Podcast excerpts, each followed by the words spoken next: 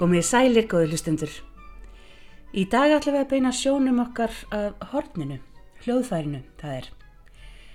Í síðustu viku skellt ég mér á æfingu hjá Sinfoníu hljómsveit Íslands og fekk leiði til að sitja í horndeildinni þegar hljómsveitin rendi eldfugli Stravinskís á lokaæfingu fyrir tónleika kvöldsins sem reyndur svo verða síðustu tónleika hljómsveitarinnar fyrir samkomiðbann. Ég let lítið fyrir mér fara en varð margs vísari og heyrði verkið öðruvísi en nokkru sinni fyrr. Ég ætla að leiða ykkur að heyra hér smá brott frá þessu ævintýri mínu en svo heyri við viðtal sem ég átti við fyrsta hortleikara sinfoníu hljómsdarinnar Stefán Jón Bernharsson. En fyrst eru það nokkuð brott úr eldfuglunum og ég byð hlustendur velverðingar á gæðum upptökunar þar sem tæki mitt er ekki til þess gert að taka upp tónlist og alls ekki tónlist í háværari kantinum en ég byrð ykkur að taka viljan fyrir verkið.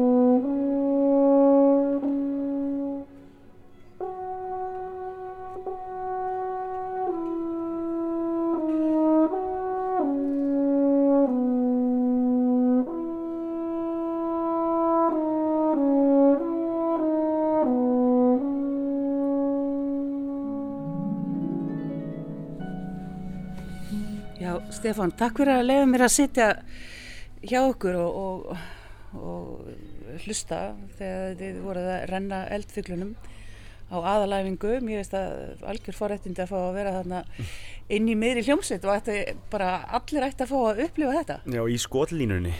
Það getur orðið svolítið svona hrátt sittandi sko beint fyrir aftan okkur. Það er svolítið önnu hljóðmynd en, en maður fæðir síðan sittandi út í sall. En það allavega heyrist vel í okkur þarna, það er, það er ljóst. Maður fær þetta svolítið svona ó, ófiltrerað.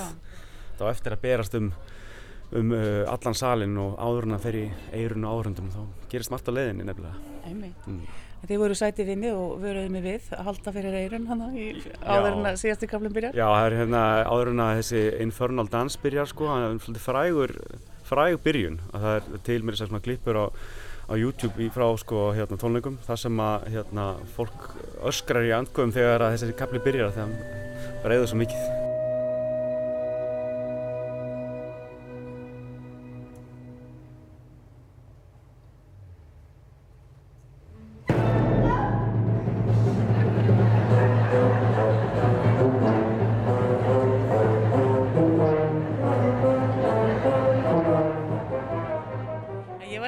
í síðasta þætti að, að þetta getur náttúrulega bara svona eitt skot, bara valdi skada, varanlegum. Já, maður hefur heyrt það, já, að það sé einmitt svona svona sudden uh, óhljóð eða, eða mikil decibel sem að geri hérna geri mestan skada En þetta var skemmtilegt, ég hef aldrei pælt í hornlínunum í þessu verki, maður er einhvern veginn svona séð bara heildamyndina. Um, heyrir þú líka heildarmyndina ert þú að hlusta á þína rödd? Hva, hvað ert þú að gera? Já, það, maður reynir auðvitað, auðvitað þarf maður alltaf að vera með, með hitt líka í huga til þess að hérna, passa sig að því og, og með þessi við með rytma, intronisjón og allt annað.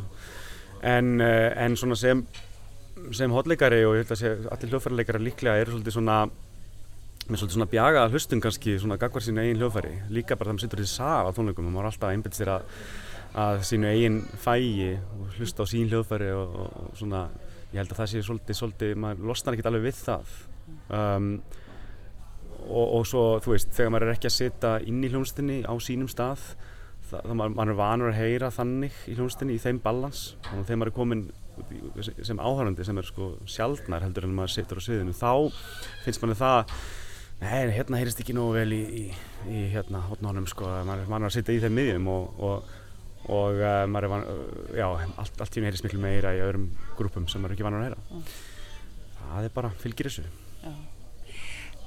En talandi um það að vera hotleikari, þá hérna uh, það heyrist alltaf í ykkur þegar þið spilið, þið, þið, þið eru því marki brendir að um leið og, og, og hotnið á einhverja línu að, það- að hún heyrist alveg potið.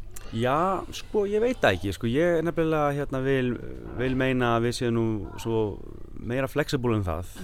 Um, hérna að við þurfum svo mikið að, að hérna sko vera líka partur á þessu trillbásvarunum og, og þá þarf maður að hérna virkilega að, að reyna og vanda sig að spila svona eins veikt og hægt er á þetta hljóðfæri. Og það er auðvitað sko eiginlega erfiðast sem maður gerir þú veist, það er hérna ekkit, ekkit jafn erfitt að spila stert það er miklu erfiðar að þurfa að, að halda sig við síðan hérna veiku dýnamíkina, maður reynir meira á.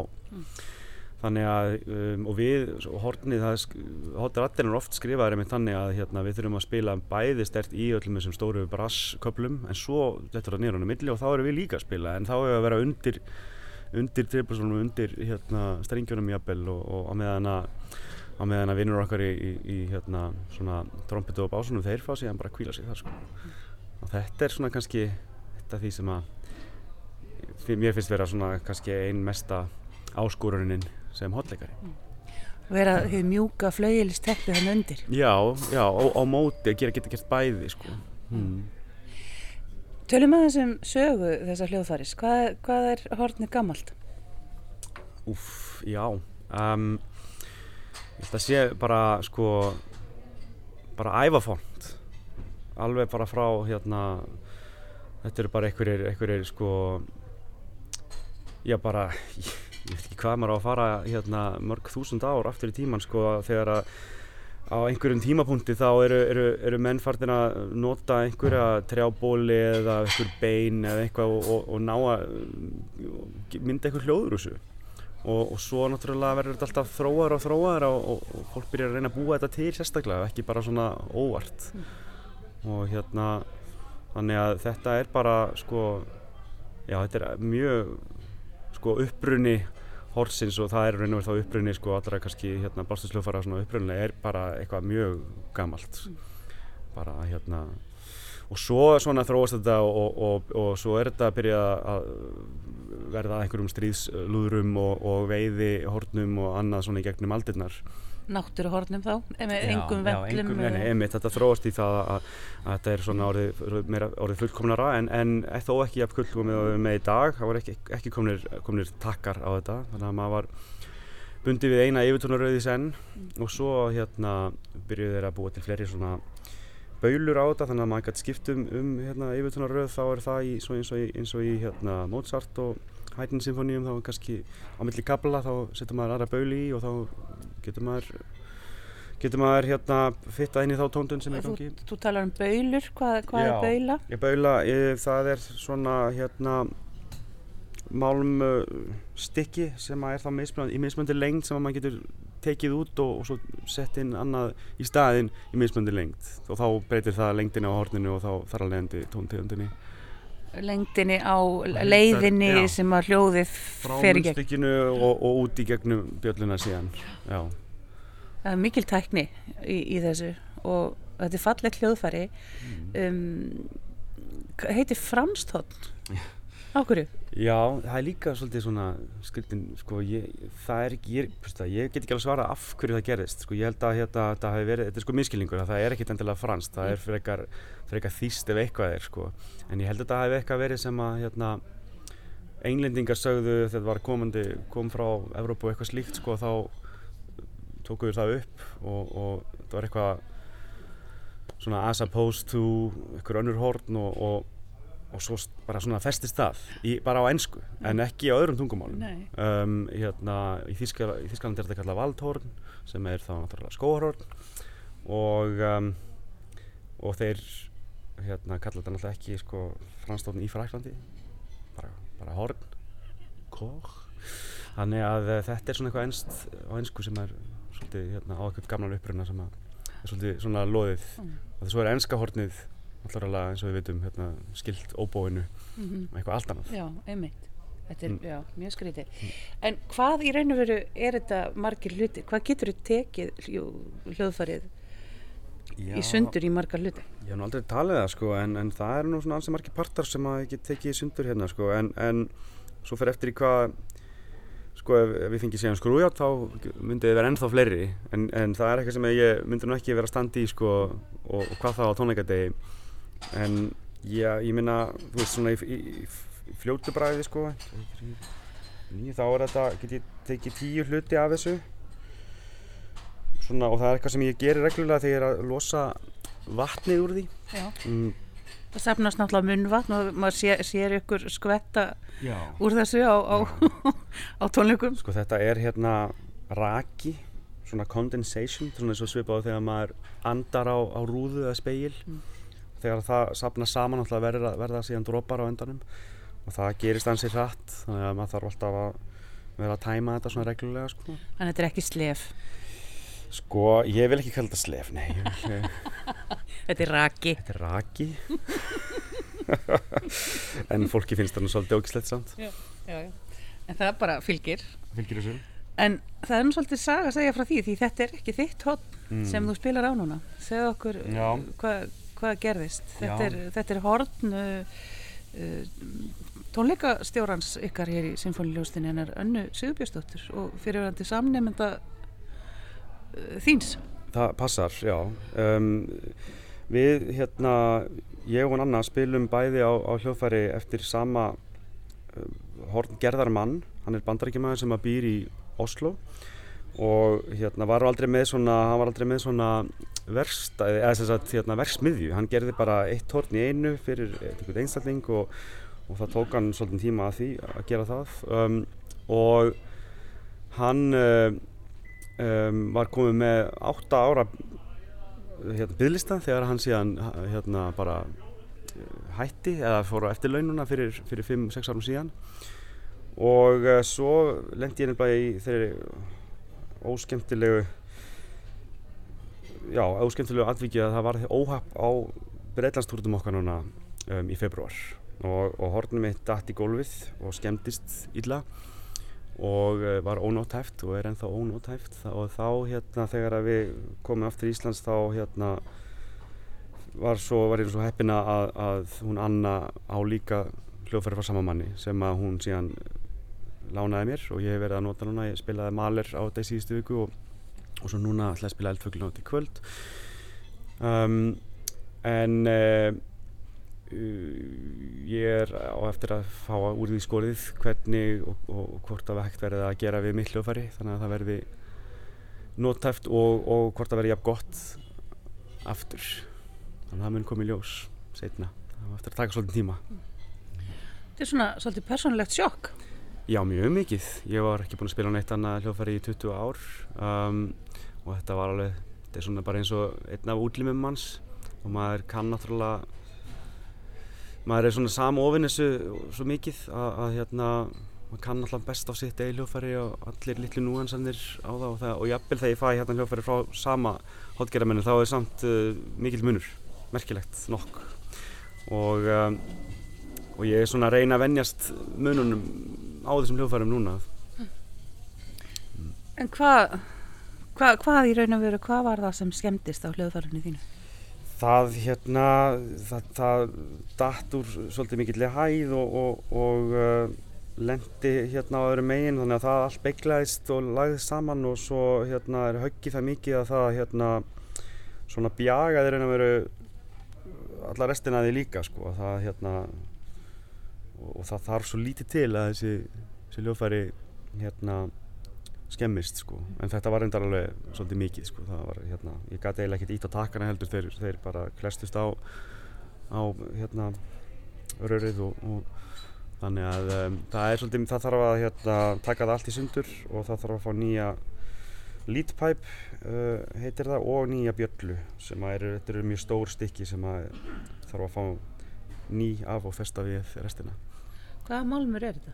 Þetta er messing. Hvað, það var nú samt svolítið merkilegt hvað, hvernig þið rettuðu þessu þannig á Englandi. Já, heimilt. Því þú ekki með neitt, þú Nei. sem leðari sveitarinn er ekki með neitt hótt. Þetta gerist í, í, í pásunni á næst síðustu tónleikunum í Leeds og uh, það eru fimm minnir að við erum frá síða aftur og þá hérna gerist þetta og ég sé alltaf strax að, að hérna að hotni er, er, er ekki hægt að nota og uh, við erum sem betur fer fimm í sexurinni, hotseksurinni en þurftum bara að vera fjórir í einu í hverju, eða sem það er bara fjóri hotpartar í hverju stykki en við ætlum og við vorum að spila fimm uh, í, alltaf í lokaverkinu því að þá erum við með einn aðstofamann á sviðinu að spila líka sem, sem svona um, styrkingu má segja -hmm. og, og uh, það sem að gerist var það að ég hérna fekk lánað horniðans Frank kollega minns það var líkast mínu og hann um, og, og, og hann fekk síðan nána hórnaðans Emils. Og að því að Emil var sá sem að vara aðstóða mig í þessu síðasta programminu þá hérna, þurfti hann bara að sitja hjá í því. En þetta var hans að skríti við fyrsta verki eftir hlið var síðan stikk eftir Annu Þorvalds er reality og, og ég var ekki að spila í því þannig að þeir þurftu að drífa sín á svið og meðan satt ég baksviðs í nettu áfalli og með, bara með munnstikki mitt í hendinu og gæti ekkert spilað. Þeir þurftu að nota hljóðfærin inn á sviðinu. Mm og svo var það stikki búið og þá lappa ég inn með munnstikki mitt og, og Emil lappar út með, með sitt munnstikki og, og, og hodnið sittur í sætinu. Hodnið er Frank sem ég tek síðan upp og hann tek hodnið Emils og svo þurfum við bara að byrja að beinta á Prokofíu frum á júliu byrjar einmitt á hodni og hérna þannig að þetta var svona svolítið svolítið mikið stress það má vera alveg alveg hérna honest. Mm, að, en það gekk alveg merkilega vel svona adrenalínu náttúrulega svona dreifum mann í gegnum þetta svolítið en, en um, já, já, þetta er eitt af því sem að getur komið fyrir og maður það bara bregðast við og, og gera best úr hlutunum Er þetta svona það erfiðasta sem þú hefur lendið? Uh, já, ég hef aldrei lendið inn svona eins þessu líkt sko þetta er að auðvitað, maður lendið svona hinn og þessum aðstæðum en, en þetta var alltaf mjög sérstatt mm. undir þessu og, og Já, vona, vona ég lendir nú ekki eftir í akkurat þessu. Við bara krossum fingur og vonum að það verði hægt að gera við hljóðfarið þannig að það verði hægt að spila á það aftur. En þegar þú þarfst að láta gera við svona hljóðfarið, uh, nú skrítið að það er, það er enginn hér á landi sem að, sem að gera slíkt. Sko ekki kannski svona rosalega viðfangsmiklar uh, viðgerðir sko. hérna erum við að tala um að ég þarf alveg nýja parta í hljóðfærið sem það þarf að smíða og, og síðan festa við og annað sko. en, en, en ég held að séu hérna einhverjir sem að geti gert sko, minniháttar viðgerðir eitthvað svona lítið og, og, og svona meira svona, svona viðhalds uh, viðhaldstengt mm. en, en þarna erum við að tala um að það þarf næstíð að byggja bara byggja hljóðfærið upp sko. þannig að það er svolítið það er svolítið hérna svolítið meira mm. og þá hérna það maður að leita til til uh, atvinnum manna erlendis hvað það varðar sko. Hvert ferði? Fyrst að hann er nú ekki lengur að uh, þinn smiður uh, mm. ferði þá til Þýskalands? Mm, sko það eru nokkrir nokkrir möguleikar í stöðinni en, en maðurinn sem að kefti alla græjunar af þessum gerðarmanni um, hann gæti verið sá sem ger, myndi gera þetta fyrir mig mm. og ég er síðan búin að vera í sambandi við hann, hann uh, Dan Rauch sem hann heitir sem hann gerði þessi lögfari og, og hann er í appöl tilbúin til þess að fljúa til þess manns og hjálpa honum við viðgerðin að sjá hann til, sjá hann hvað setur mm. það er, hérna, er ekki alveg alveg niður nelt en þá mm. og nú kom flugbann þannig að þú, þannig að þú þetta býður þetta er bara það leggst allt vona bara og við sjáum bara til. En, en í mildtíðinni þá er ég mjög ánæður að geta haft aðgang á hotninu rönnu. Og svo bara sjáum hvað setur, kannski munum við ekki til spila fleiri tónleika hérna á næstinni hvað sem er, þannig að engin veit. Skrítni tímar. Skrítni tímar, heldur betur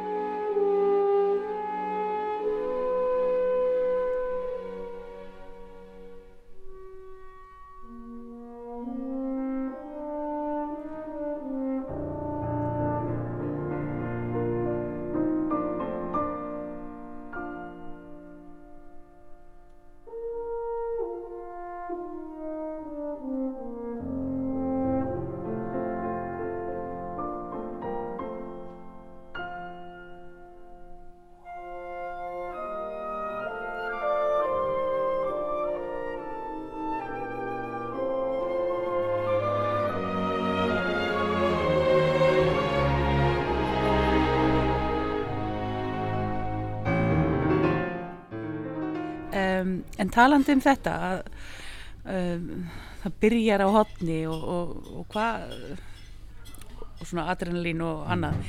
Um, hvernig, hvernig höndlar er svoleiðis og, hva, og hvað er til dæmis, ég veit um það er tvö verk, það er Brúknar fjögur sem byrjar svona á hotni og, og svo er Brahms pianokoncertin nr. 2 sem byrjar mjög svona uh, hann, já, hann eiginlega svona læð, hotni læðist inn í verkið um, er þetta ekki einmitt svolítið erfitt að, að koma inn á svið og, og, og, og byrja?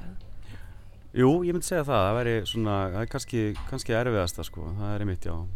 Þetta eru fræg dæmi sem við nefnir og svo er líka eins og uglu spegið, eftir og svona eitthvað sem að hefst bara strax, maður hefur engan svona tíma til þess að svona vennjast í að sitja og komast aðeins inn í hlutina sko, þetta er bara, bara bang, byrja sko. Og, og en þetta er hérna eitthvað sem að sem að hérna maður getur aldrei sko svona garanterað.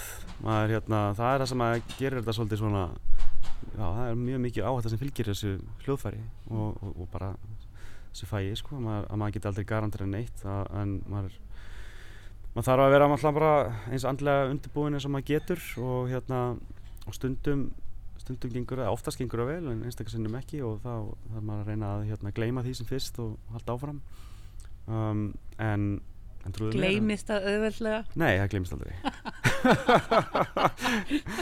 En maður þarf að, að halda áfram sko, hérna alltaf... En það er svo mm. glata við þetta mm. að það sem gengur illa mm. er sterkara í minni en það sem að gengur ofbúslega vel Já, já þetta er held ég kannski eitthvað bara í, í manneskinni, þú veist. Og, og svo, þú veist ég og flesti kollega mínir hérna við erum bara metnaðar fullt fólk og, og, og það er engin ánæður með það þegar það gengur illa hjá manni þú veist. Og, og hérna og maður svona þegar maður er að svíkja heildina einhvern veginn og svo er, er þetta bara líka svo þú veist maður svona maður svona bölvar þessu sko að það verið svona óhefni þú veist það er kannski einhverju staði sem maður gerir þú veist fullkomlega 20 sunnum í rauð og svo akkurat eitt skipti þá gerist það ekki sko, og það, hérna, þá er það kannski akkurat það sem að maður verið að taka upp eða eitthvað sko, hérna, þetta er partur af þessu. En uh, maður reynir náttúrulega hérna, að sko, byggja sig upp með bara, maður þarf að hafa rosalega mikið sjálfströst um, og bara óbyrjandi trú á verkefninu og á sjálfum sér annars gengur það ekki sko, ég, og ég, allavega sem sko, fyrsti hotleikari þá er það svona eitt af því sem maður bara verður að hafa annars hérna, maður ekki á réttri hillu að hérna að þú leiðum maður hættir að hafa trúna á sjálfum sér sko þá byrjar hlutinu að ganga virkilega illa mm. en maður er, byrjar að vera óvarkári í innkomum og, og hérna maður þarf alltaf að taka sensin og vitandi það að það getur klikað sko. en maður þarf að hoppa út í það og, og, og þetta er svona hérna hotleikar er ofta verið kallaðið svona hérna stuntmen of, of, of the orchestra. Eru, Simon Rattle hann, hann, hann notaði það til dæmis það törm yfir þá skilgringu áhættuleikar já, já. já, og, og það ætti aldrei að horfa í augun á þeim að vera að koma inn sko, bara bara svona gefa þeim, þeim innkonumana en ekki stara á það ómikið sko, það myndi geta geta hérna sett í og skorða með einhvern veginn sko þannig að já, með mitt þetta er Það alltaf skellegt. Já, já, já, þetta er svona hérna, frækt kvót sko. Ekki horfa. Já, hann sagði eitthvað svona Never eyeball a horn player. Það er eitthvað svona sko. As they're about to play a solo.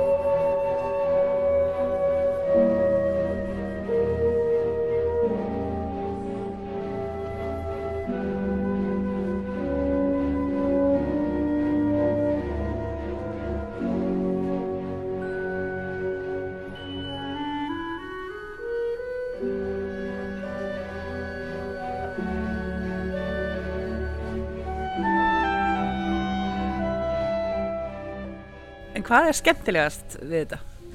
Já, sko, um, ertu þá að meina Ég veit náttúrulega sko, ég, það er alltaf þegar að kemur, þú veist, það er að koma Mahler sinfónýr og koma Bruckner sinfónýr, það, það kemur einhver Strauss, uh, Richard Strauss, að þá, þú veist, opna maður Facebook daginn eftir og það eru hvorki fleirinni færi en átta hotleikarar, hotdeildin í kvöld og það, þú veist, Einmitt. alveg standa rígmontinn og, og, og glöð, sko. Já, já, það er vissulega alltaf mikil veistla þegar að hérna, þessi tónskál til dæmis sem þú nefnir alvöru tónskál sko.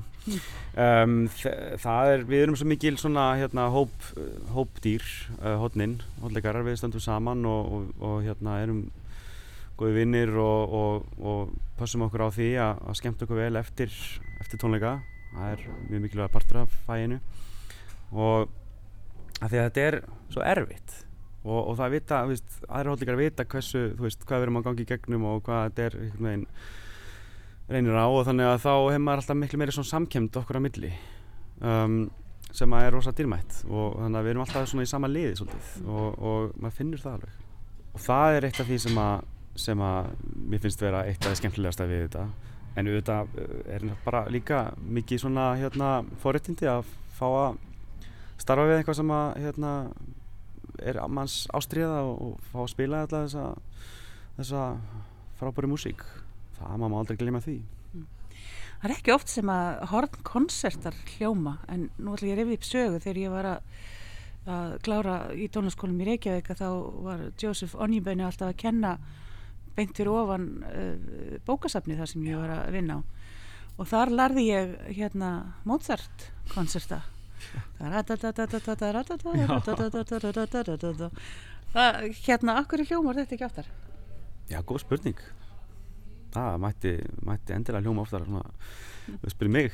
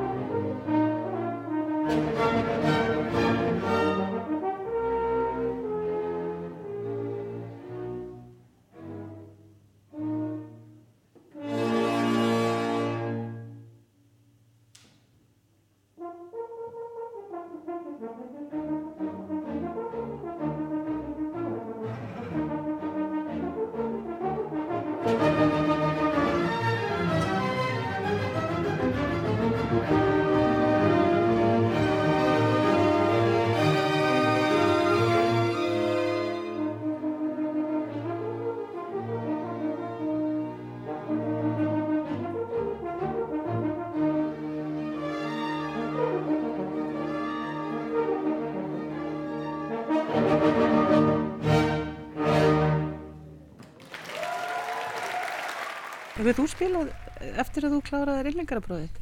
Um, Mozart þá eða, Eða bara, bara- í almenn Já, já. ég, ég spilað um, ég spilaði á, á Strauss 2 Strauss Hálfkvæmst nr. 2 á ásköldatónlingum í Háskóla Bíói 2008 minni mig og um, svo hef ég komið fram sem solisti bara svona á á jólatónlingum og á tónlingum út á landi og, og, og núna síðast í haust spilaði ég mitt Mozart-koncert á Ísafirði og á Akureyri Var það þessi?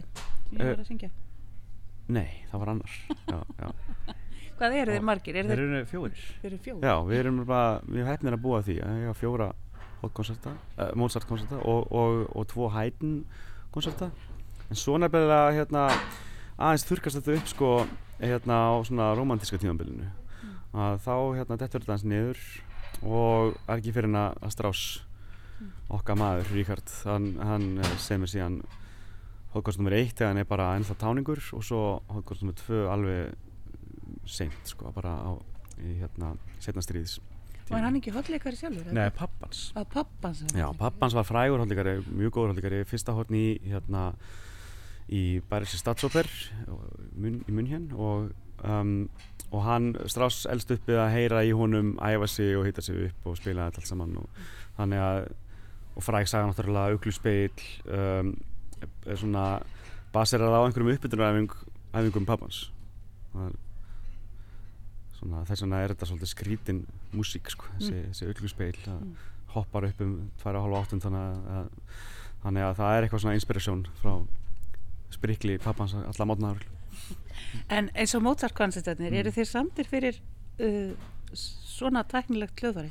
Nei, þeir eru samt fyrir, fyrir svo kallar náttúruhótt það er það engi, engi takkar, engi vendlar og, og þá er það bara hérna, alltaf spila bara á einni yfirtöruröð þeir eru næstu í allir í estúr en, um, en svo er hægt að breyta breyta tónunum aðeins með hendinni inn í bjöllunni. En þá breytir það líka uh, tónblænum á sama tíma. Já, ég hef einmitt séð það. Þeir eru bæði með, sko, þeir eru með hendina inn í bjöllunni og svo eru þeir líka, eigið þið hvað sem eru svona, hvað kallið þetta, dempara? Já, já, dempara reymitt það er hérna, það kemur síðan svona aðeins, aðeins eftir Mozart þá byrjuðu hérna tónskáld að skrifa fyrir hérna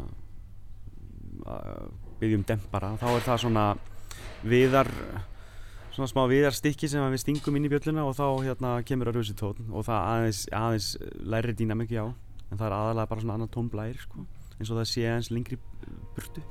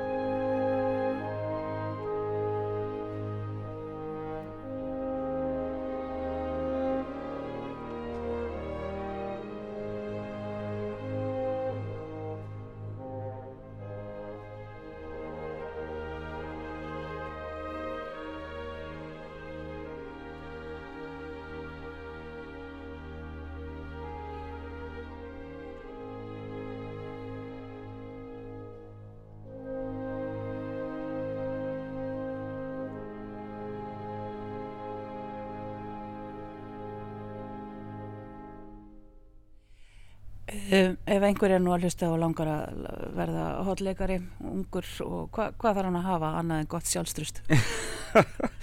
sko, ef það er með sjálfstrustið þá ertu komin halva leið, sko, eða meira jafnvel.